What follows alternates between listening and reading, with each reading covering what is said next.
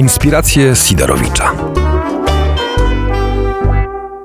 Kolejne inspiracje Sidorowicza i mojego gościa raczej nie muszę dzisiaj do końca przedstawiać. Nie muszę mówić, kim jest, bo raczej każdy go w tym momencie będzie kojarzył. Sam o sobie chyba mówi krótko Sekielski. Tak, to ja, Tomasz Sekielski. Tomasz, Tomasz Sekielski, w skrócie Sekielski, a przynajmniej tak obecny e, w mediach społecznościowych. Jesteśmy w ciekawym miejscu dla pana. Znaczy, no, nie spodziewałem się, że będę akurat w tym miejscu udzielał wywiadu, ale nie mam z tym żadnego problemu. To e, ja z różnych miejsc e, te wywiady już nagrywałem, więc od razu powiem, że jesteśmy akurat w głównym studio Uniwersytetu Papieskiego, zaraz przy oknie papieskim i całej kurii, e, kurii krakowskiej, czyli no, mamy niedaleko do pańskich bohaterów, raczej osób, które tymi bohaterami w pewnym momencie też nie chciały być w filmie. Dosyć niedaleko jest Żadnych uczuć to nie wzbudza w panu? Nie. E, znaczy, nie, nie, nie, nie, nie, nie, nie, nie mam jakichś takich e, mm, momentów, e, kiedy idę sobie teraz w Krakowie, że nie wiem, właśnie jestem na, jestem na Fraciszkańskiej i w związku z tym nie wiem, mam jakieś myśli złe czy dobre. E, nie, no absolutnie, absolutnie nic takiego nie występuje. Żałuję, że nie udało mi się e, nagrać do filmu kardynała Dziwisza. No ale kardynał Dziwisz nie mieszka już na Franciszkańskiej. E, na Franciszkańskiej nie, ale też niedaleko. No niedaleko, ale nie będziemy ujawniać e, adresu, e, bo jest RODO i inne ustawy zabraniające tego. Więc żałuję, że nie udało mi się porozmawiać z kardynałem Dziwiszem, tak jak żałuję, że nie udało mi się porozmawiać w, z żadnym innym hierarchą, z którym bym chciał porozmawiać i którym mógłby wystąpić w filmie, który zrobiłem. E, myślę, że już po premierze mm, e, biskupi chyba też zrozumieli, że lepiej jednak jest rozmawiać i przedstawić swoje racje. E, ale dopiero po filmie. Ale dopiero po filmie, tak. Myślę, że jak będę robił kontynuację, to już nie będę miał problemu z poproszeniem o komentarz. Taką mam przynajmniej nadzieję. I myśli pan, że Marek Jędraszewski, arcybiskup, wtedy zgodzi się na rozmowę z panem? Pytam o niego, bo to jest najbliżej, najbliżej nas, a okazuje się, że też najbardziej, jeden z bardziej kontrowersyjnych głosów wśród tych hierarchów kościelnych. Znaczy, to prawda. Natomiast e, jeśli z filmu będzie wynikało, że potrzebny jest komentarz e, arcybiskupa Jędraszewskiego, to oczywiście o taki komentarz poproszę. Na razie nie wiem, czy będzie taka potrzeba. E, ja w filmie zwróciłem się do tych e, osób z kościelnej hierarchii, które w jakiś sposób były związane albo z miejscem zdarzeń, albo mm, z decyzjami, które były podejmowane. E, ja nie zwróciłem się w ogóle do wszystkich polskich hierarchów, tylko do konkretnych osób, które. Bo nie chciałem rozmawiać na jakimś wielkim poziomie ogólności. Znaczy, zależało mi na tym, aby wystąpiły osoby, które albo zajmują się sprawą, albo w jakiś sposób podejmowały jakieś decyzje, które dotyczyły e, na przykład ofiar, które wystąpiły u mnie w filmie. Więc jeśli będzie taka potrzeba i będę widział, że e, należy dać głos arcybiskupowi Jędraszewskiemu, żeby mógł przedstawić swoje stanowisko, w jakiejś konkretnej sprawie, to o to poproszę, choć akurat przypuszczam, że w jego przypadku raczej odpowiedź będzie odmowna, e, bo to jest chyba jednak ten z hierarchów, który uważa, że mm, Kościół nie powinien zbyt mocno rozliczać się e, z przypadków e, wykorzystywania seksualnego dzieci przez osoby duchowne. Więc myślę, że on raczej, nawet jakbym go poprosił o wywiad, to pewnie takiego wywiadu by nie udzielił, ale teraz gdybamy. No, jak będzie taka sytuacja, E, to na pewno wszyscy się dowiedzą, bo albo arcybiskup będzie w filmie, e, albo go nie będzie, o czym Albo odmówi komenta- tak. komentarza, co będzie w napisach się pojawi, na pewno. Do filmu um, Tylko nie mów nikomu, za chwilę jeszcze będziemy wracali, bo to jest główny temat. 20, prawie 2 miliony od, odtworzeń, czego chyba pan się nie spodziewał. O tej reakcji i o tym wszystkim za chwilę porozmawiamy. Ja jednak e, chciałbym też przytoczyć trochę pana postać, bo o tym rozmawiamy głównie. Nie tylko o tym, kim pan jest teraz, tu i teraz, ale także o tym, kim pan był. Dla mnie ciekawą wiadomością, taką o panu informacją jest to, że był pan w zespole tworzącym fakty. Teraz e, jedne z chętniej oglądanych kanałów informacyjnych, jeden z chętniej oglądanych kanałów.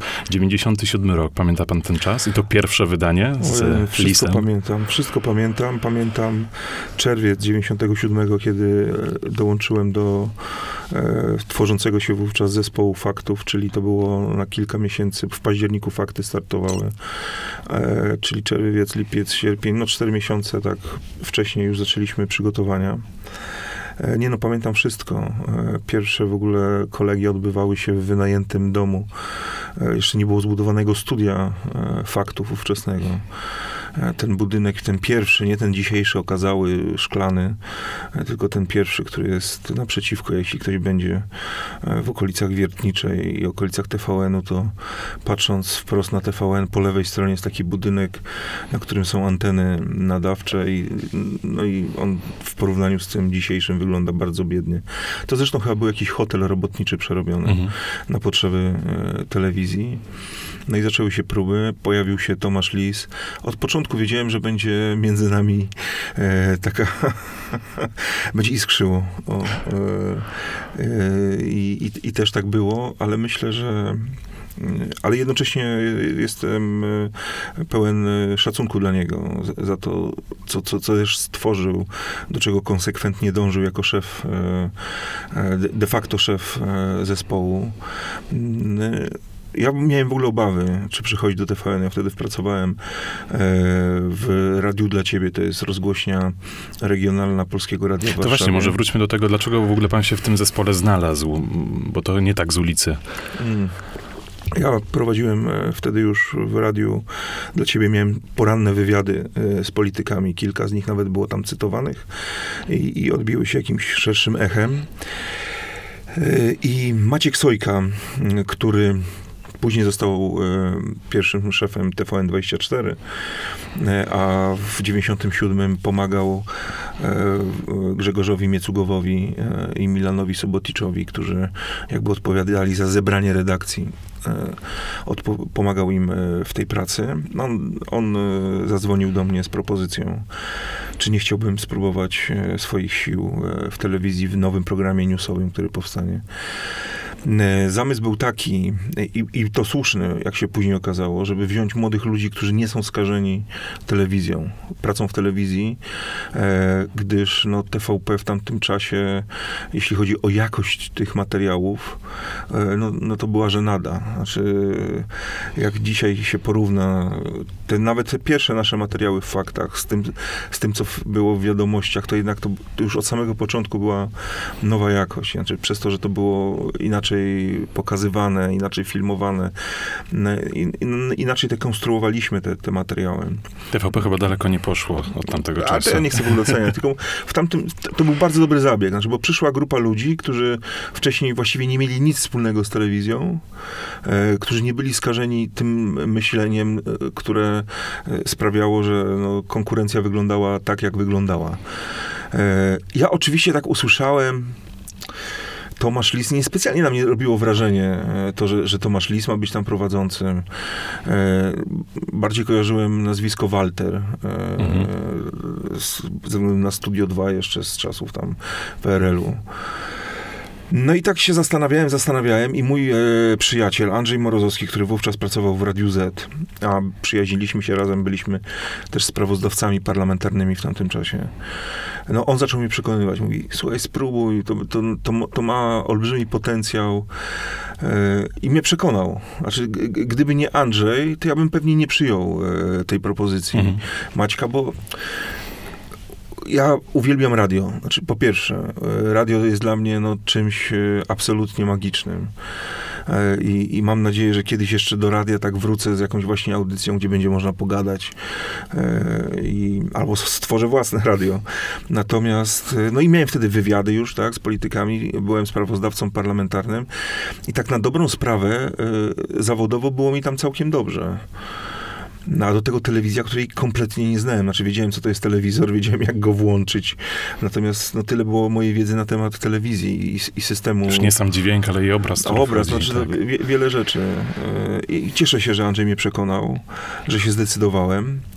E, Początki, pierwszy raz się rozpłakałem, jak siadłem na montażu telewizyjnym, znaczy ja przynosi, nie to, że naprawdę, ale e, w porównaniu z montażem radiowym, a ja w tym czasie już dostałem do swojej dyspozycji w 97 roku taki e, montaż komputerowy.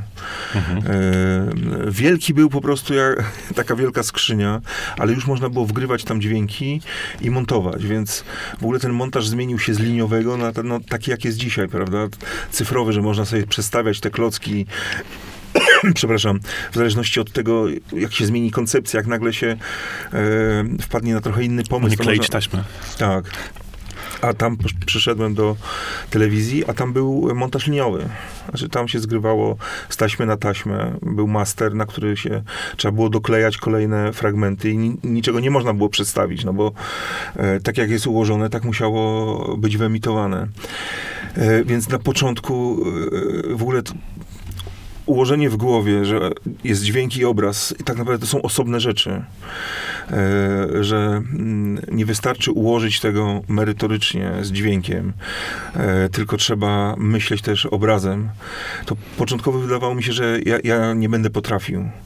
Natomiast w pewnym momencie było takie klik w głowie e, i e, w ogóle zrozumiałem wszystko. E, znaczy, takie małe oświecenie nastąpiło. E, no i pokochałem telewizję, pokochałem obraz, reportaże telewizyjne i uważam, że całkiem nieźle mi to do dziś idzie. Ale znalazłem się w TVN-ie właściwie dzięki Andrzejowi Morozowskiemu, je- jego namowom. E, No i pamiętam oczywiście pierwsze wydanie, nieudane specjalne połączenie z Iwoną Radziszewską, tam były problemy techniczne.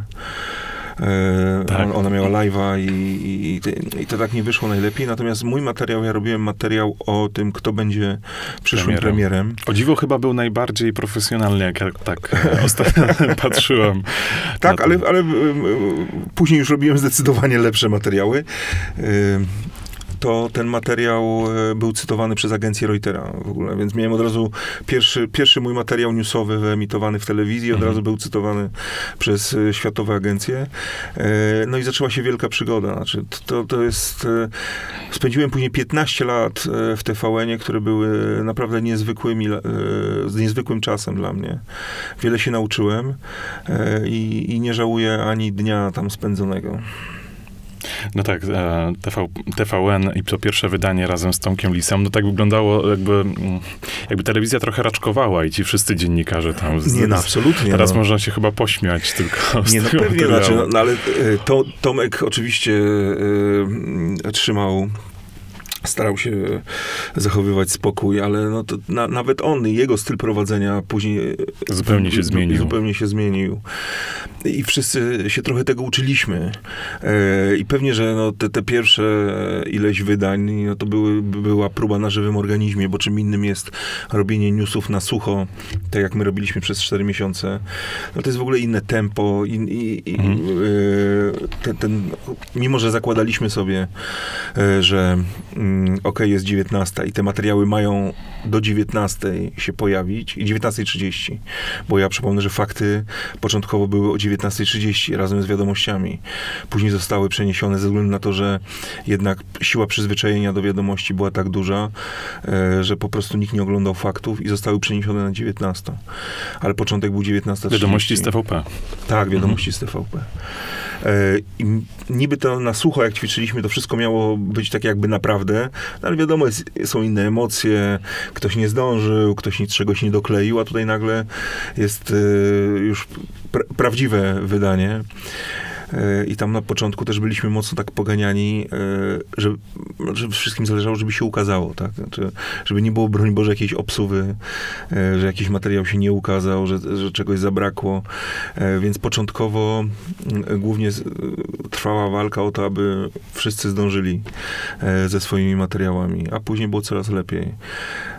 No i, i tak, i, i, i ostatecznie no, fakty, gdy jeszcze tam pracowałem, e, naprawdę wyśrubowały poziom newsów, e, tego jak są pokazywane bardzo wysoko.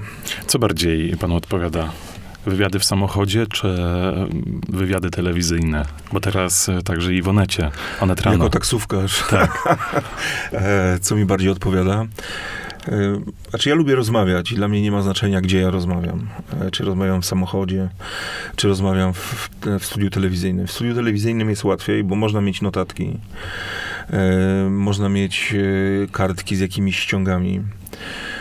I to jest łatwiejsze zdecydowanie. Kiedy prowadzę samochód, no to nawet nie miałbym szansy spojrzeć w te notatki, więc tak naprawdę jest to absolutny freestyle, taka rozmowa w samochodzie.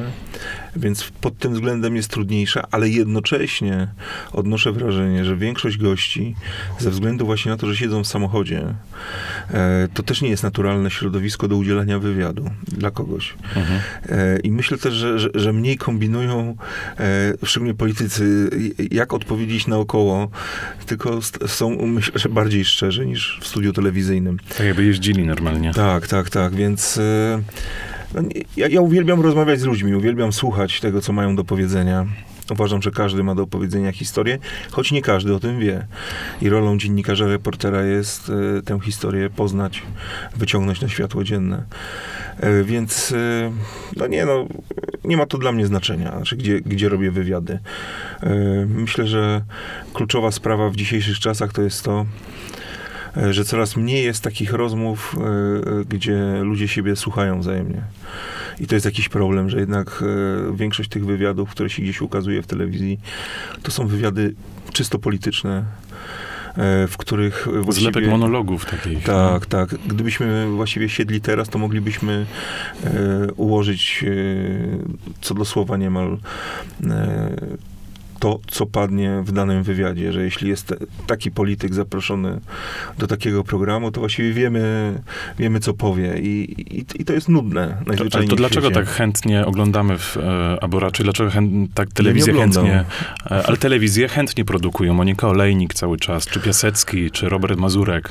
E, dalej spotykają się z dziennikarzami, mimo że wiadomo, co ale powiedzą. Akurat, ale tak, ale akurat Robert Mazurek robi moim zdaniem bardzo ciekawe wywiady w RMF-ie. Na początku wydawało mi się, że on e, się nie zaaklimatyzuje do radia. Te jego pierwsze wywiady no, były, mówiąc delikatnie, takie słabe. E, Natomiast teraz bardzo lubię go słuchać, e, bo ma zawsze jakiś pomysł na tę rozmowę.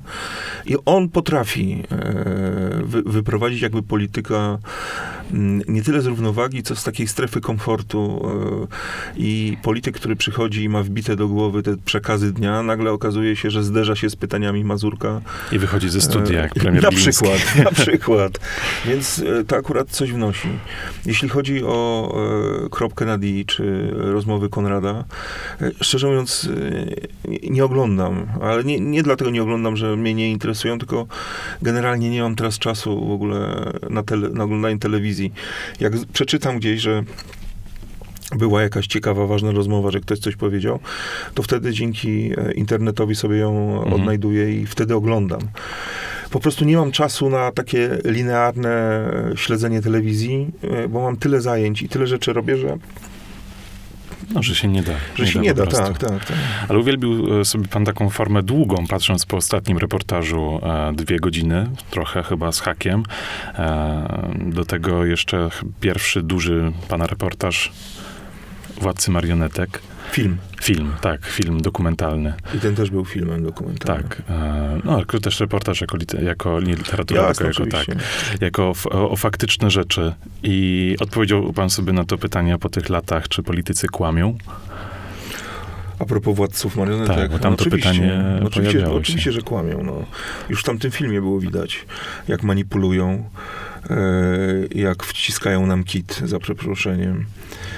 E, I mam wrażenie, że, że jest coraz gorzej. Znaczy, jak e, ktoś co jakiś czas wrzuca na YouTube e, tych władców marionetek, więc jeśli nasi słuchacze chcieliby zobaczyć ten film, bo go nie widzieli, to czasami można upolować na YouTubie, bo widzę to później w tych mediach społecznościowych, ktoś ogłasza, o, jest film Sekielskiego. TVN ma prawa do tego filmu, więc, jak rozumiem, ktoś wrzuca tak nie do końca pewnie e, Legalnie. legalnie i to dlatego później znika, ale można czasami obejrzeć i miałem taką okazję przed wyborami e, w 2015 roku e, właśnie zobaczyłem gdzieś dyskusję wokół tego filmu. To było 5 lat po premierze, e, która nastąpiła w 2010 roku tego filmu. E, Ja sobie obejrzałem to. E, Po pierwsze, miałem takie poczucie, że ten film nie stracił nic na aktualności. Kompletnie nic. Co więcej, jest gorzej niż było, gdy ja e, kręciłem ten film. Że ta sztuka manipulacji. Jest jeszcze większa. Tak, różne socjotechniczne zabiegi. I tutaj e, nie ma tak, że tylko jedna partia e, to stosuje. Nie, nie. Chodzi mi o to, że w ogóle e, wszystkie partie mm, starają się zrobić nam wodę z mózgu. I to jeszcze, co, co jest najlepsze, za nasze pieniądze, tak? Znaczy, bo przecież oni żyją e, z subwencji i dotacji z budżetu. Po czym wydają te wielkie pieniądze na kampanie wyborcze, które, no umówmy się, no, kampania reklamowa nie jest po to, aby e, powiedzieć prawdę o produkcie, tylko żeby skusić do jego kupienia. E, hamburgery różnych sieci fast foodowych e, zawsze wyglądają wspaniale w reklamach. Są wielkie, bułki chrupiące, e, a tam w środku to mięso jest wielkie na trzy palce, grube. A, a jak się kupuje, no to ten hamburger nagle wygląda zupełnie inaczej. E, I, I tak jest z reklamami. No.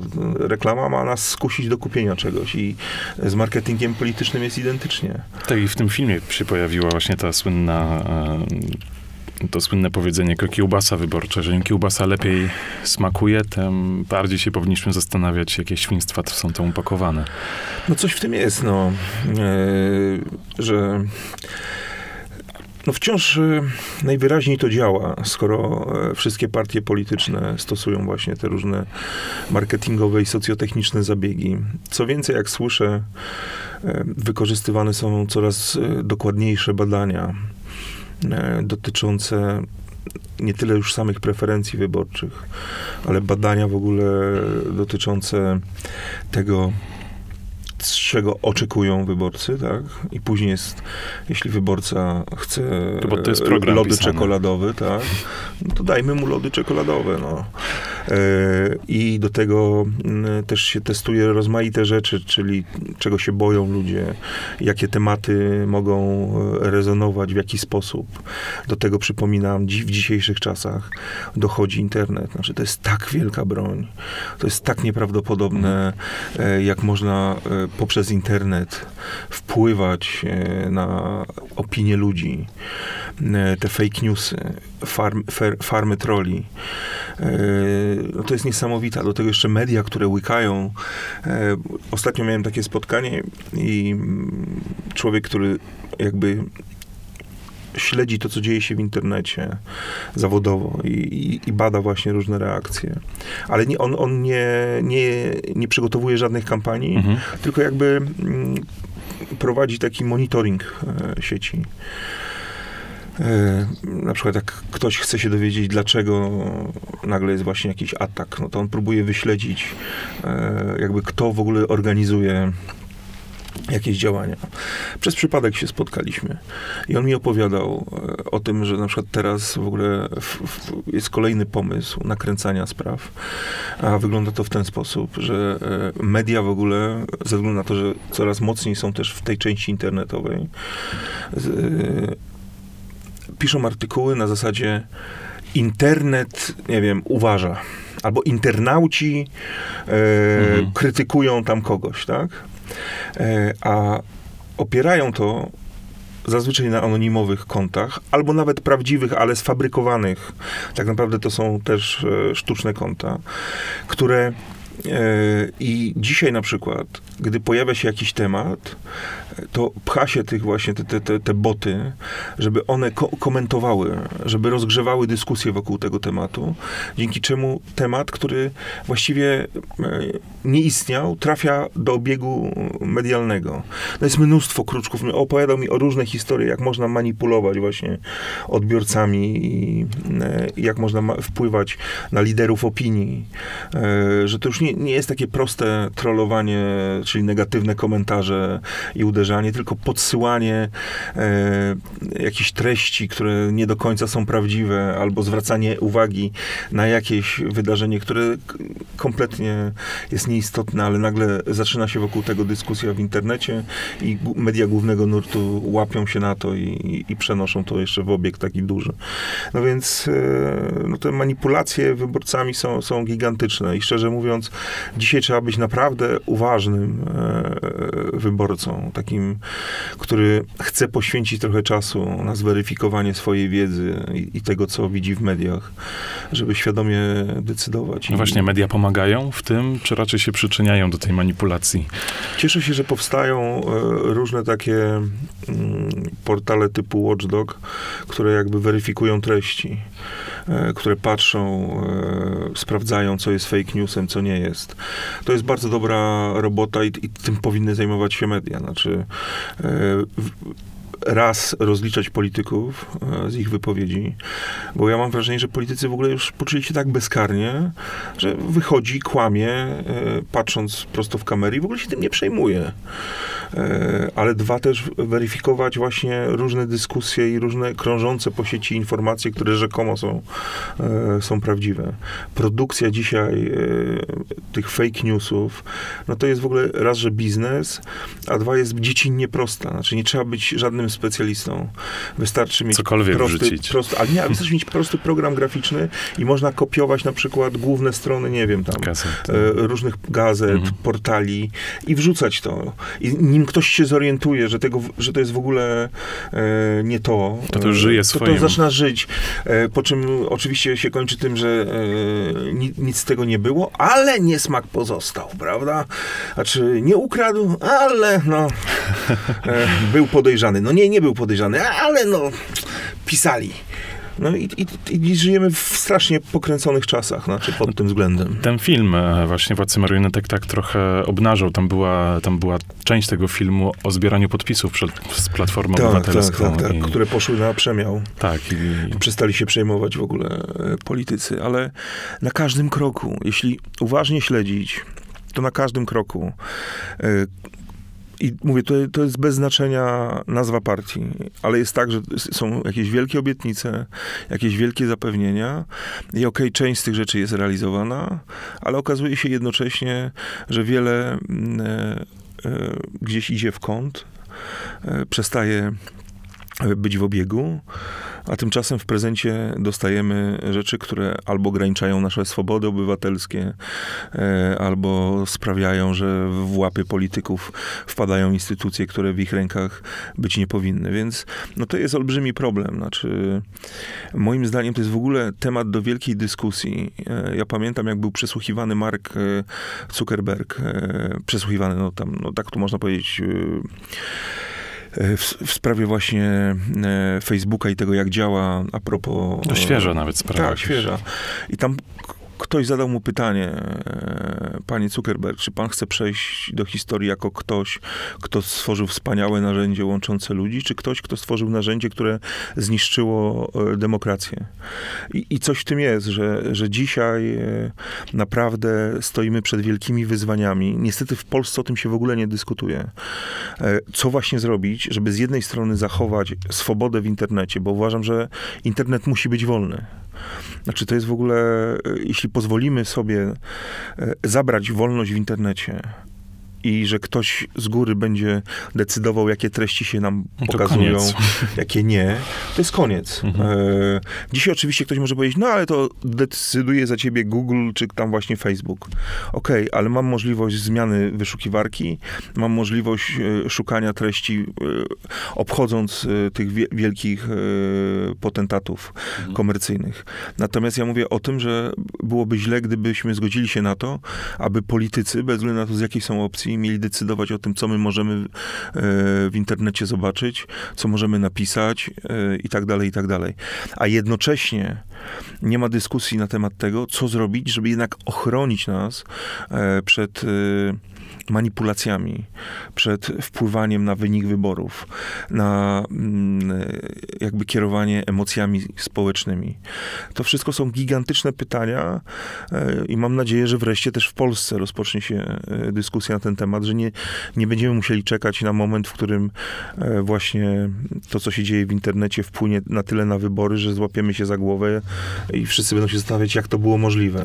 No właśnie, jak już jesteśmy, poruszył pan ten temat e, wyborów. Jest pan zadowolony z wyników wyborów do Parlamentu Europejskiego?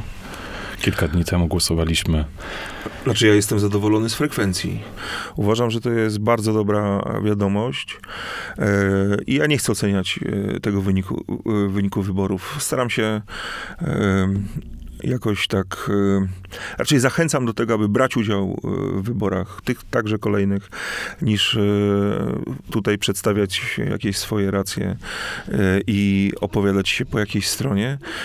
Ale bardzo mnie to cieszy i, i uważam, że politycy powinni zrobić wszystko, aby ta frekwencja w wyborach parlamentarnych była jeszcze wyższa. I też uwaga do wszystkich, którzy narzekają i, i, i, i- i malkotentów. Mamy demokrację, każdy może głosować. E, były wolne wybory. Ci, którzy nie poszli, ich strata. E, natomiast no, obrażanie się przez kogokolwiek na to, że taki jest wynik, a nie inny, jest absurdem. No przecież e, to jest wielki sukces Polski, tak, że po, po 89 roku e, mamy demokrację, która jest, w, w, uważam, już dzisiaj w miarę silna. E, I że, że, że można wybierać władzę polityków e, w powszechnych wyborach. I z tego się trzeba cieszyć, a nie narzekać. Znaczy, raz wygrywają jedni, raz wygrywają drudzy, ale to nie, obrażanie się na to jest absur, absurdalne. No nie, do wyborów na, na pewno trzeba iść i to bez e, względu, nawet jak ktoś nie wie. To są chociażby latarniki, latarnik wyborczy i tak dalej, ale jest taka teoria, Tak. która się odnosi do tego, że to pan się przyczynił do wyników, e, do wyników wyborów. Tak, tak, słyszałem. Tak, e, no i właśnie to ja to, być, może ta teoria, którą ja przekażę jest tożsama z tym, e, Słucham. na, jak, na jaki temat pan się teraz śmieje, że polska kultura i, i właśnie tradycja jest tak silnie zakorzeniona w tak- tej tradycji kościelnej, że pana film atakujący właśnie pedofilów był właśnie odebrany jako ten atak e, na Kościół i to przyczyniło się do tego, że Polacy głosowali na PiS, bo wiedzieli, że PiS nie atakuje Kościoła i dlatego była taka mobilizacja, żeby pójść na te wybory. Że bali się właśnie tego, że ten Kościół będzie zagrożony. Po pierwsze, e, e, nie zrobiłem filmu o polityce. Tam nawet w obrazkach nie ma żadnego polityka. Po drugie, za film dziękował mi prymas Polski oraz przewodniczący konferencji episkopatu, którzy powiedzieli, że nie jest to atak, e, że film nie jest atakiem na Kościół. Co więcej, e, biskupi wysłali list do wiernych, chyba, chyba najmocniejszy, jeśli patrzymy na historię ostatnich lat, dotyczący rozliczania się e, z pedofilią. E, mo- naj- Najmocniejszy w sensie takim, że jakby przyznają się do zaniechań i, i win i mówią o konieczności rozwiązania problemu. Więc to a propos ataku na Kościół. Znaczy, ten film nie jest żadnym atakiem na Kościół i żadnym atakiem na wiarę. E, A propos takich komentarzy, to zazwyczaj ci, którzy dzisiaj tak mówią, przed wyborami mówili, że PiS przegra przez ten film. Że Polacy się odwrócą. Więc to tyle, jeśli chodzi o ekspertów, publicystów, e, którzy w ciągu tam paru dni zmienili zdanie o 180 Ale to nie może być ziarna prawdy w tym jednak, że ktoś się bał tego i dlatego poszedł do wyborów, bo Ale wiedział, że się, to Ale PiS... bał się filmu? Nie, bał się tego, że jednak e, ta tradycja, w której je- jest Ja wiem, ale, zakorzeniony. ale powtarzam, film e, e, w żadnym miejscu nie jest atakiem e, na Kościół, na wiernych, na ludzi wierzących, na wiarę, na religię. W żadnym. W żadnym. Co więcej, najważniejsi hierarchowie kościelni e, podziękowali za ten film. No więc dyskutowanie z odczuciami e, czy też przemyśleniami tych, którzy siedzą gdzieś tam właśnie w studiach telewizyjnych i radiowych i myślą, że wiedzą, co myślą Polacy, Mhm. e, no to ja proponuję ruszyć im w teren najpierw, bo ja spotykam, dzisiaj jechałem do Krakowa i spotkałem e, trzy osoby e, w Warsie, e, które zaczęło od tego, że w ogóle głosują na PiS, chodzą do kościoła. Ja mówię, no ale w ogóle, tak mówię, ja nie pytam, mówię do nich, znaczy mogą pan, a to mężczyźni byli, mogą panowie głosować przecież na kogo chcą, no w ogóle dl- dlaczego tak zaczynają? Oni mówią, zaczynam tak, żeby panu powiedzieć, że e, jestem tam konserwatystą, e, zdecydowanym, a jednocześnie dziękuję panu za ten film. Więc są też takie głosy. Są, dostaję maile od księży szeregowych, którzy dziękują za ten film i uważają, że, że był bardzo potrzebny. Więc możemy gdybać. No, ktoś musiałby zrobić poważne badania. Moim zdaniem to jest problem w ogóle właśnie polskiej publicystyki i polskich ekspertów, którzy przed wyborami wydaje im się, że wiedzą wszystko i wyrokują i mówią, że no tak, no to PiS przegrał, bo Sekielski zrobił film. Po czym po wyborach okazuje się, że to koalicja europejska Przegrała. przegrała, bo Sekielski zrobił film. No na Boga, ten film nie ma nic wspólnego e, z polityką. Powtarzam, tam jeden polityk się nie pojawia, nawet na przebitce jakiejś.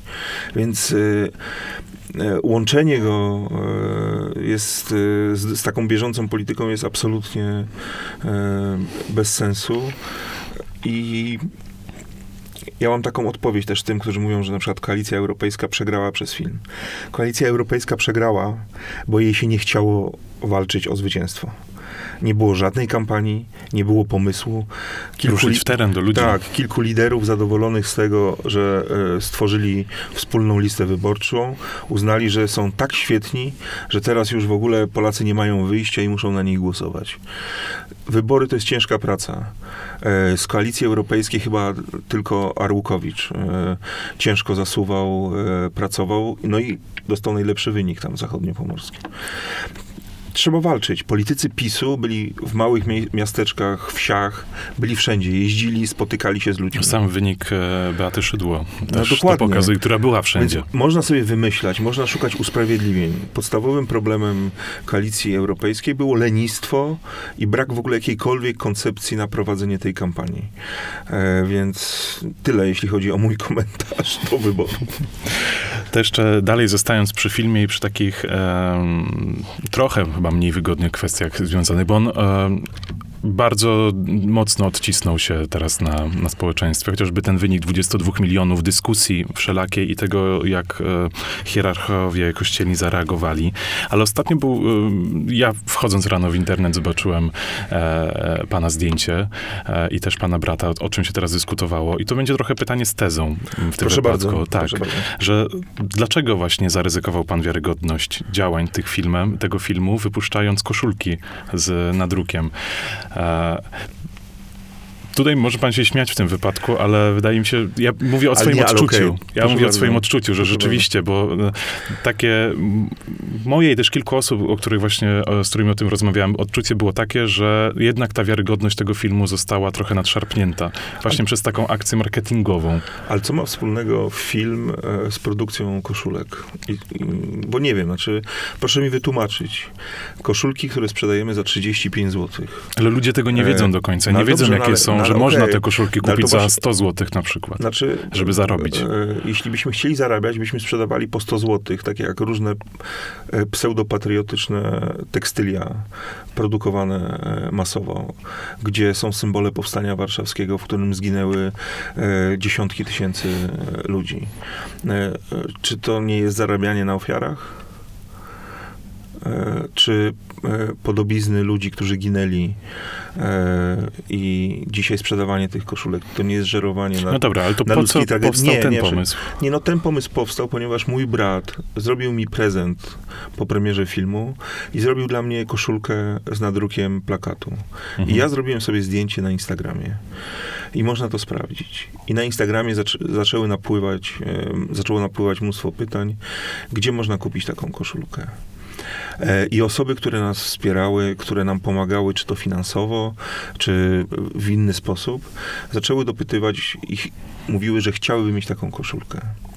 Więc postanowiliśmy ogłosić wśród tych osób e, informację, że można do 9 czerwca składać zamówienia, bo my nie mamy tych koszulek fizycznie. Mhm.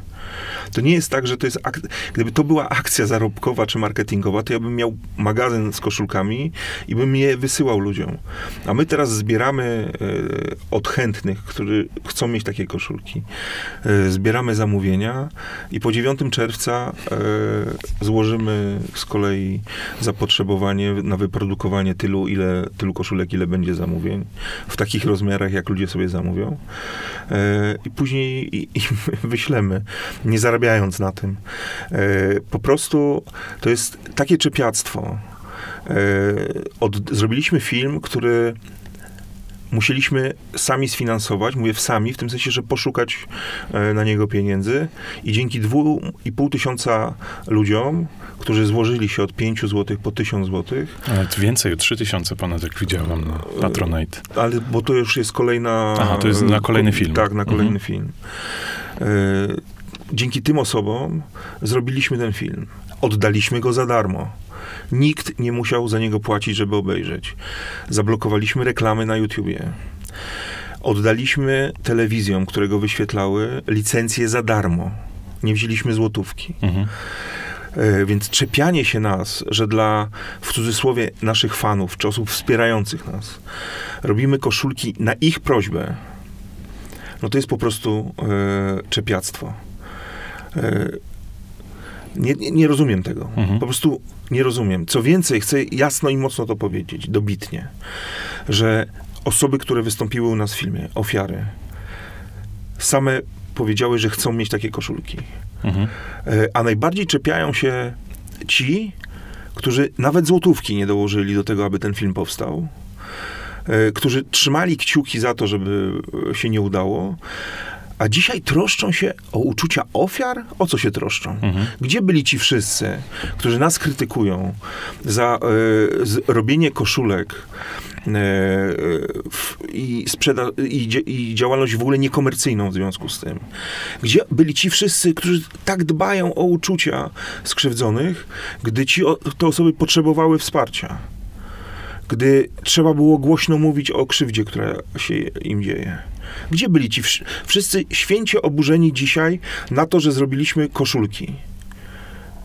To jest po prostu tak nieuczciwe i niesprawiedliwe atakowanie nas za to, że aż zęby bolą, tak bym powiedział. E, Po prostu e, radzę wszystkim, e, którzy próbują nas umoralniać, którzy próbują mówić nam, co jest etyczne, a co nie jest etyczne, aby spojrzeli w lustro i zadali sobie pytanie, co zrobiłem, aby pomóc skrzywdzonym, aby pomóc dzieci, ludziom, którzy jako dzieci byli skrzywdzeni przez e, duchownych. Co zrobiłem? Ilu biskupów odpytałem? Ile takich historii ujawniłem, nagłośniłem? Komu pomogłem? Jak? A nie czepiać się koszulek, które nie mają żadnego znaczenia, na których nie zarabiamy e, i które powstają na prośbę ludzi, którzy chcą takich koszulek. Ja rozumiem, że może komuś, e, ktoś może uznać, że nie, nigdy by nie założył takiej koszulki. Ja bym też nie założył różnych koszulek, które są w sprzedaży e, i kosztują 100 zł. Nie dlatego, że kosztują 100 zł, tylko dlatego, że A to też uważam- może jest właśnie taki ten e, odbiór, e, bo jednak jest duże zamieszanie przy tym filmie. On miał ogromny rozgłos i dlatego Ale ja wiem, zobaczenie... tylko, ja wiem, tylko y, ja proszę skupić się na problemie. Czy jeśli odpukać, e, ja, e, nie wiem, e, spowodowałbym wypadek teraz, tak? Jakiś nieszczęśliwy. Oby nie, jest w ogóle, po co o to mówię, ale też gdybym, odpukam. gdybym.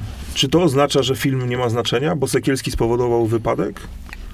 No nie. No właśnie. No więc roz, ro, proponuję rozmawiać o problemie. E, można mnie nie lubić, e, można uważać, e, że zrobiłem głupio z tymi koszulkami. Okej. Ale n- nie róbmy z tego głównego tematu. Kompletnie. Znaczy, znaczy jestem trochę znaczy zdziwiony pewnie nie powinienem być, no bo taką mamy rzeczywistość, no ale trochę zdziwiony jednak jestem, że bez y, doczytania, bez wgryzienia się, o co w ogóle chodzi z tymi koszulkami. Tak wiele osób, które gdzieś tam e, uważam za inteligentne, też poszły po prostu w, w jakimś owczym pędzie. No dzisiaj nie ma na to E, czasu, zobaczyli koszulki no ja wiem, no ale- no tylko właśnie, no Zakielski robi sklep na No, przykład. Wspaniale, no, tylko e, ja się śmieję, z, moi, do, znaczy z moim bratem rozmawiamy, że trzeba było ten film sprzedać, zarobić kupę hajsu e, i, i wtedy byłoby dobrze. I wtedy by się nikt e, nie czepiał, jak rozumiem. A może też by się czepiał, bo zarobiliśmy na filmie. Nie wiem, znaczy, trudno jest mi w ogóle znaczy, dyskutować na ten temat, bo mam poczucie, że muszę udowadniać, że nie jestem e, żyrafą. No, no nie jestem, nie jestem też wielbłądem. E, a mimo to e, niektóre osoby tego nie rozumieją. No trudno, no szkoda. No nie ma też co tutaj zaprzeczać, że e, film był bardzo potrzebny i, e, no i tego nikt panu nie odbierze na 100%. A właśnie dlaczego ten temat? E, wiem, że to jest temat, e, ale może też inaczej. E, dlaczego akurat pan się zdecydował na ten temat? Czy to jakaś historia? mm, Nie, nic osobistego. Znaczy, ja w ogóle wychowałem się w katolickiej rodzinie. Moja babcia była osobą głęboko wierzącą. Nie żyje, niestety. I zawsze jak byłem u babci, to chodziliśmy codziennie na msze wieczorne. E, No i chyba już w wieku 4 albo 5 lat zostałem ministrantem. I nigdy nie spotkało mnie nic złego. E, e, na, nawet pamiętam też taką zabawną sytuację, e, jak dorwałem się na jednej z pierwszych mszy do dzwonków i tam nie czekając na podniesienie, na, na odpowiedni moment. na odpowiedni moment zacząłem nimi dzwonić e, i pamiętam jak ksiądz e, po mszy e, w zakrystii mówi e, do siostry e, Tomkowi trzeba skrócić komrze, bo rzeczywiście ta komrza była taka, że ciągnęła, ciągnęła się po ziemi w ogóle. Tomkowi trzeba skrócić komrze i nigdy więcej do ręki nie dawać mu dzwonków. E, więc tam jeździłem do babci, to zawsze służyłem do mszy. I nigdy nic złego mnie nie spotkało. Po prostu w, na, w pewnym momencie swojego życia jako dziennikarz już e, poznałem ofiary e, przestępstw seksualnych. Ofiary, które były dziećmi, gdy je skrzywdzono. I te historie były naprawdę wstrząsające, a jednocześnie miałem takie mm, poczucie, że one są ukrywane, e, że są osoby, e, mówię o kościele tym takim instytucjonalnym, Mhm. że są osoby, które tuszują. Gdzieś zaczynały się wtedy pojawiać te pierwsze artykuły, informacje. I pomyślałem sobie, że to jest temat, jak, jak spotykałem kolejne osoby, że to jest temat, który zasługuje na coś większego niż tam news jakiś, e, tylko właśnie takiego rozmiaru filmu dokumentalnego. Ale ze względu na zobowiązania zawodowe, jakie miałem wówczas, przepraszam, nie miałem e, możliwości czasu przede wszystkim na to, żeby Mhm. e, zrobić ten film. No i w momencie, kiedy, że tak powiem, zostałem zupełnie niezależnym producentem, wtedy, wtedy wróciliśmy do tematu w 2017 roku. E, No i stąd się wziął ten film. Przerósł pańskie oczekiwania? E, To, co się stało po premierze, Mhm. tak, tak, tak. Znaczy, e, ja po, po- powiem tak, no, ja liczyłem, że będzie, zbierze się kilka milionów wyświetleń. To w Ale- samochodzie w Onetrana, jak pan zaprosił swojego brata do rozmowy, to mówiliście o 10 milionach. Znaczy, Fajnie tak, by było. Że, tak, że to by było w ogóle fajnie, w ogóle. E, I, I chyba obaj nie wierzyliśmy, że w ogóle do tylu dojdzie, a jeśli, to raczej tam w perspektywie kilku miesięcy. A my 10 milionów, zdaje się, tam w ciągu dwóch dni zrobiliśmy. E, Czy trzech. E, No w każdym razie to, to, to, to było niesamowite, to co się wydarzyło. A czy bardzo się z tego cieszę, no bo myślę, że każdy e, reżyser filmu dokumentalnego chce, żeby po pierwsze ten film był obejrzany przez jak największą liczbę osób, żeby o nim dyskutowano i wreszcie, żeby chociaż troszkę wpływał na rzeczywistość, żeby to zmieniało ją na lepsze. Mam nadzieję, że tak się stanie po tym filmie. Ale e, powtórzę, nie, nie, nie, nie robiłem go z jakichś takich osobistych pobudek, bo czasami jestem pytany, czy nawet podejrzewany o to, że sam jestem e, ofiarą molestowania seksualnego jako dziecko. Nic takiego na szczęście się nie e, ze mną nie stało. Co więcej, ci księża, których tam u babci e, miałem okazję spotkać, Mhm. byli no, no, naprawdę wspaniałymi duchownymi. E, I ten okres, kiedy byłem ministrantem, e, byłem przez ładnych parę lat, bo ja tam do babci regularnie jeździłem. Więc e, i zawsze pozwalano mi, mimo że tam się księża oczywiście zmieniali, jak to bywa, wi- wikariusze zmieniają parafię tam co dwa lata chyba jakoś Mhm. tak, to, to, to jest. To zawsze mogłem przyjść i, i służyć do mszy, więc jak tylko przyjeżdżałem do babci, to tak właśnie się działo. Też się zapisałem do ministrantów, bo dostawali paczki świąteczne. Nie, Więc mi- to dla mnie, dla mnie to chyba było istotne wtedy.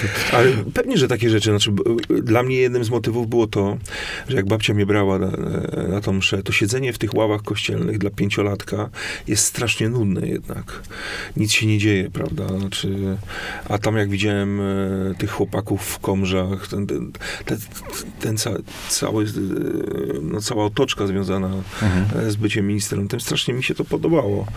E, I dlatego poszedłem wbrew babci zresztą, bo przecież pięcio, pięciolatek babcia tam chciała mnie zatrzymać, a pobiegłem do księdza z pytaniem, czy mogę zostać ministrantem. I ksiądz się zgodził. Babcia była w panice, że coś tam e, nabroję w trakcie mszy. No więc jedyne to były te dzwonki, do których się dorwałem tam za pierwszym czy drugim razem, a poza tym już było, wszystko robiłem tak jak trzeba. No i, i, i tak się ta kariera potoczyła z kościoła do kościoła. Zresztą pierwsze, pierwsze, pierwsze moje radio to było radio katolickie, Mhm. Radio Vox e, w Bydgoszczy. E, Więc e, to też taka odpowiedź dla tych wszystkich, e, bo zdarzają się takie opinie, które zresztą nie wiem, co, o czym miałyby świadczyć, ale też argument ludzi, którzy są niezadowoleni z tego, że film powstał. Że wiadomo, Sakielski- jakie pan ma tak, poglądy, że, tak? że wiadomo, jakie mam poglądy i że na pewno to jest e, nieochrzczony, tak, e, i, i nigdy nie związany z Kościołem. No więc e, muszę zmartwić tych Ochrzczony, wszystkich bierzmowanie, ochrzczony, bierzmowany. Ślub kościelny. E, ślub kościelny, tak. Moje dzieci też są ochrzczone, Mhm. więc muszę zmartwić tych wszystkich, którzy zakładali, że jestem e, w ogóle człowiekiem gdzieś z boku e, i i e, robię wszystko po to, żeby e, niszczyć Dopiec. Tak, dopiec. Powiedział pan, że ten film zrealizował już będąc niezależnym dziennikarzem i właśnie e, to takie mam pytanie, czy dzisiaj, żeby być rzetelnym dziennikarzem, to można być tylko niezrzeszonym albo sponsorowanym przez społeczeństwo, żeby móc coś robić e, Nie, nie, nie, myślę, że nie. E, e, Jak rozumiem, e, pana nikt nie zmusił do rozmowy ze mną. E, Sam się zmusiłem. Czy trochę byłem zmuszony sytuacją, o której rozmawialiśmy przed, czyli zmotywowanym do tego, jak wyszedłem Ale nie, z no, chodzi jednych mi o to, że, że, że można robić e, Mhm. e, niezależne dziennikarstwo. E, można w redakcjach, choć oczywiście niezależne w tym sensie, e, teraz nie mówię o naciskach, że ktoś komuś każe, masz to powiedzieć to, to i to.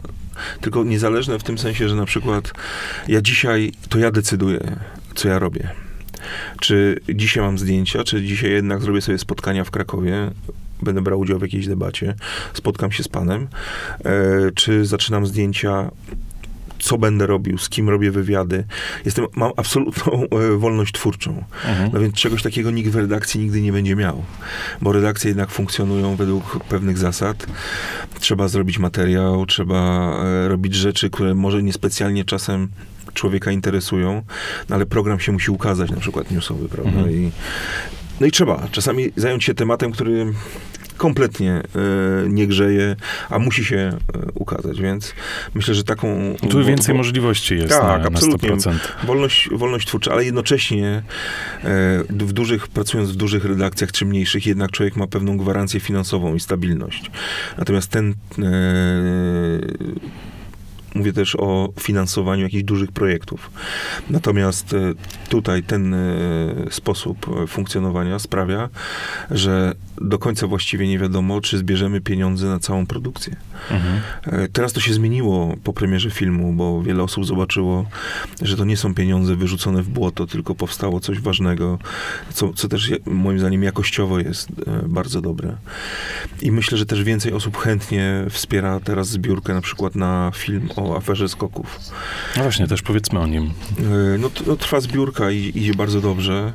E, Prace nad nim też trwają. Em, Bardzo dokładnie tam analizujemy wszelkie dokumenty. E, No, wiadomo, że to jest temat też mocno kontrowersyjny, e, a jednocześnie osoby, które gdzieś tam są zaplątane w te historie, które chcemy opowiedzieć, e, mają do dyspozycji dobrych prawników e, i na pewno będą, myślę, starały się jeśli byśmy popełnili jakiś błąd, na pewno wyegzekwować od nas jakieś kary i inne rzeczy. Więc e, no, bardzo ostrożnie musimy tutaj pracować. Na szczęście mamy wsparcie e, dużego takiego zespołu prawnego. E, I więc to idzie do przodu. Mm, Pewnie, pewnie na wiosnę przyszłego roku będzie gotowy ten film Mhm. o skokach. E, Tym bardziej, że ja teraz e, no, od 11 maja właściwie nie miałem dnia wolnego i, i wszystko głównie toczy się wokół filmu, który już zrobiliśmy. Mhm. E, I tak cały czas się zastanawiam. Mówiłem sobie niedawno, udzielałem jednego wywiadu, że to jest ostatni wywiad, ale później pan mnie przekonał e, do rozmowy. Dziękuję bardzo. E, I nie chcę dzisiaj mówić, że to jest ostatni wywiad na jakiś czas, ale najchętniej bym tak już powiedział. Znaczy, bo po prostu mu, muszę wrócić do tego, e, co jest Mhm. moim głównym zajęciem. Znaczy, przyjemnie jest błyszczeć i udzielać wywiadów i pokazywać się, bo próżność to jest mój ulubiony grzech. Natomiast jednak mu, muszę pracować, a, a, a tego czasu mi trochę brakuje, więc pewnie jakoś tam jeszcze w czerwcu będę miał różne spotkania, ale, ale już zaczynam... e, Potem do roboty. A wracam, tak, tak, wracam i myślę o tym, co trzeba zrobić, bo tej pracy jest jeszcze dużo przed nami. Mhm. Czy rozliczenia finansowe z filmu będą, się pojawiały? tak, tak, będą. E, Marek nawet mi wczoraj mówił, że ma już tam przygotowany e, jakiś taki draft rozliczenia, tylko nie miałem nawet czasu, żeby rzucić na to okiem. E, I oczywiście pierwsi dowiedzą się patroni, znaczy, Mhm. e, bo żeby było jasne, e, ja nie czuję się zobowiązany do tego, aby przedstawiać rozliczenie finansowe szerokiej opinii publicznej. Bo niby dlaczego? Znaczy, ja się muszę rozliczyć z tymi, Którzy na to którzy, wpłacili. którzy na to wpłacili. Znaczy, to jest też niebywała, że także niektórzy dziennikarze, a niech się rozliczy, niech pokaże. No to proszę bardzo. Ja się mogę rozliczyć publicznie. Teraz niech wszyscy się rozliczają. Niech wszystkie redakcje pokażą, skąd mają pieniądze, ile wypłacają, na co te pieniądze idą i tak dalej. Bo dzisiaj e, na, na, najwięcej e, o finansach wokół filmu i, i, na samym filmie mówią ci, którzy w ogóle tam się nie dołożyli i nie mają z tym nic Mhm. wspólnego. Więc przypomnę, ja zaciągnąłem zobowiązanie wobec osób, które wpłacały na ten film. Nie musiały tego robić. Nie musiały tego robić. E, I to przed nimi e, e, się rozliczę. Natomiast nie widzę potrzeby, aby rozliczać się publicznie, bo no bo niby dlaczego? Ja też e, mogę w łatwy sposób swoją działalność tutaj redakcyjną rozliczyć. Jest całe okrągłe zero. E, w związku z tym To jest bardzo proste rozliczenie. bardzo proste. No, ale, na, ale na podcastach nie da się nic zarobić? Jeszcze chyba nie wszedłem na ten etap. Nie do końca sam się, niby jestem biegły w internetach, jak to Ale się to mówi, kurde, ale, trzymam kciuki, no bo to ale sam nie wiem dokładnie, jak, jak się... Żeby chociaż na, na bilet komunikacji miejskiej było, no bo to tak zero to nie, to nie jest dobrze. Znaczy ja wiem, że wtedy nie ma żadnych problemów z urzędem skarbowym i tym podobne rzeczy. Natomiast e, uważam, że za, za, za pracę człowiek powinien być Przyjdzie e, na to czas. Miejmy nadzieję, że przyjdzie na to E, czas. Wie pan co, bardzo mi się to podoba, co pan mówi. E, Bo ja dzisiaj mam wrażenie, że niestety wielu, wielu młodych ludzi, którzy chcą być dziennikarzami, zaczyna od pytania, ale za ile? Bo każdemu się wydaje, że w ogóle dziennikarze to trzepią taką kasę, takie kokosy zarabiają, że no, w ogóle za ile? Ja pamiętam, jak e, Wojciech Reszczyński, e, dzisiaj jeden z czołowych prawicowych publicystów, e, w 95 roku zaproponował mi przejście z Bydgoszczy do, do Radia Wawa. I ja go nawet nie zapytałem za ile. On zapytał, czy chce pracować w radiu w Warszawie. Ja dwóch minut się nie zastanawiałem, bo wiedziałem, że to jest taki moment, w którym, e, który trzeba wykorzystać. I przyjechałem, a Wojciech Reszczyński nie był rozrzutny, jeśli chodzi o finanse. E, i, I dostałem tyle, że e, ledwie mi starczyło na wynajęcie mieszkania. Mhm. E, o, parzyłem, znaczy nie opowiadam tego, żeby robić z siebie jakiegoś bohatera, ale pamiętam jak parzyłem herbatę e, z jednej torebki tam trzy czy cztery razy, e, i, a koleżanki mnie do, dożywiały, które wtedy już były na diecie wegańskiej. Dzięki temu, że jadłem tylko roślinki, trzymałem dobrze dietę i byłem 100 kilo e, mniejszy. Natomiast e, no to był taki okres. Ja pamiętam, że w ogóle e, ludzie, z którymi pracowałem wtedy, kiedy zaczyna, tak na dobre zaczynałem, ten 95 rok, wtedy nie było pytań e, o kasę, tak? Znaczy, e, każdy chciał coś robić, znaczy chciał się uczyć, chciał się rozwijać. E, to była nasza pasja i strasznie się cieszę, że pan to robi mimo tego zera. Tego okrągłego zera. Na koncie, ale ja zapewniam, to zawsze procentuje. Znaczy, to jest coś, co będzie w portfolio, a życzę też tego, żeby ten podcast zaczął zarabiać po prostu. I jeśli tylko e, będzie trzeba gdzieś zareklamować, to proszę dać znać. O, mamy to E, nagrane, więc I tak. zobowiązu- nie, zobowiązuję się do tego, no bo uważam, że warto wspierać tych, którzy chcą robić rzeczy e, no, no, inne od tej takiej bieżączki i, i, i tego, co wylewa się ze wszystkich mediów, więc życzę powodzenia. Mam nadzieję, że będzie się to wspaniale rozwijało. Nie dziękuję serdecznie, dziękuję za to za rozmowę. Moim dzięki. gościem był e, Tomasz Sekielski. Dzisiaj dyskusja o dobrej zmianie chyba, z tego co wiem, w Krakowie, w Mocaku. Ale o filmie dobra O zmiana. film, tak, o filmie. O filmie, który e, też ciekawe nie został, e, nie wszedł do repertuaru festiwalu filmowego, krakowskiego festiwalu filmowego, ale Urząd Miasta postanowił wyemitować go w Mocaku. mogę coś jeszcze powiedzieć? Wiem, Proszę. że skończyliśmy. Byłem w filmówce w Łodzi. Miałem spotkanie ze studentami wczoraj. E, I tam później też rozmawiałem z, z wykładowcami, którzy powiedzieli, że to, jak zrobiłem ten film, e, znaczy sam film, ale też sposób jego produkcji w ogóle wywalił im system. E, Bo nagle pojawia się facet, który robi wielki film dokumentalny, robi go zupełnie niezależnie. E, I mówią, że teraz mają problem, bo powinni chyba przystosować e, e, tryb nauczania, szczególnie tych producentów filmowych, pokazać im w ogóle jakby Mhm. coś zupełnie nowego, coś z boku.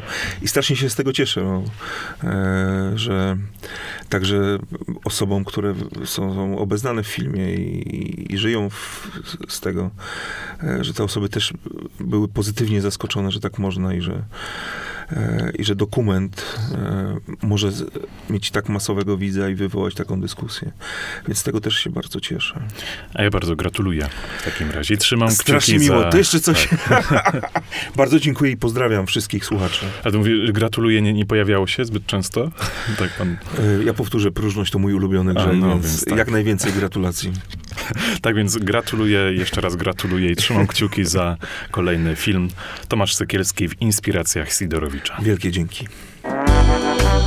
Inspiracje Sidorowicza.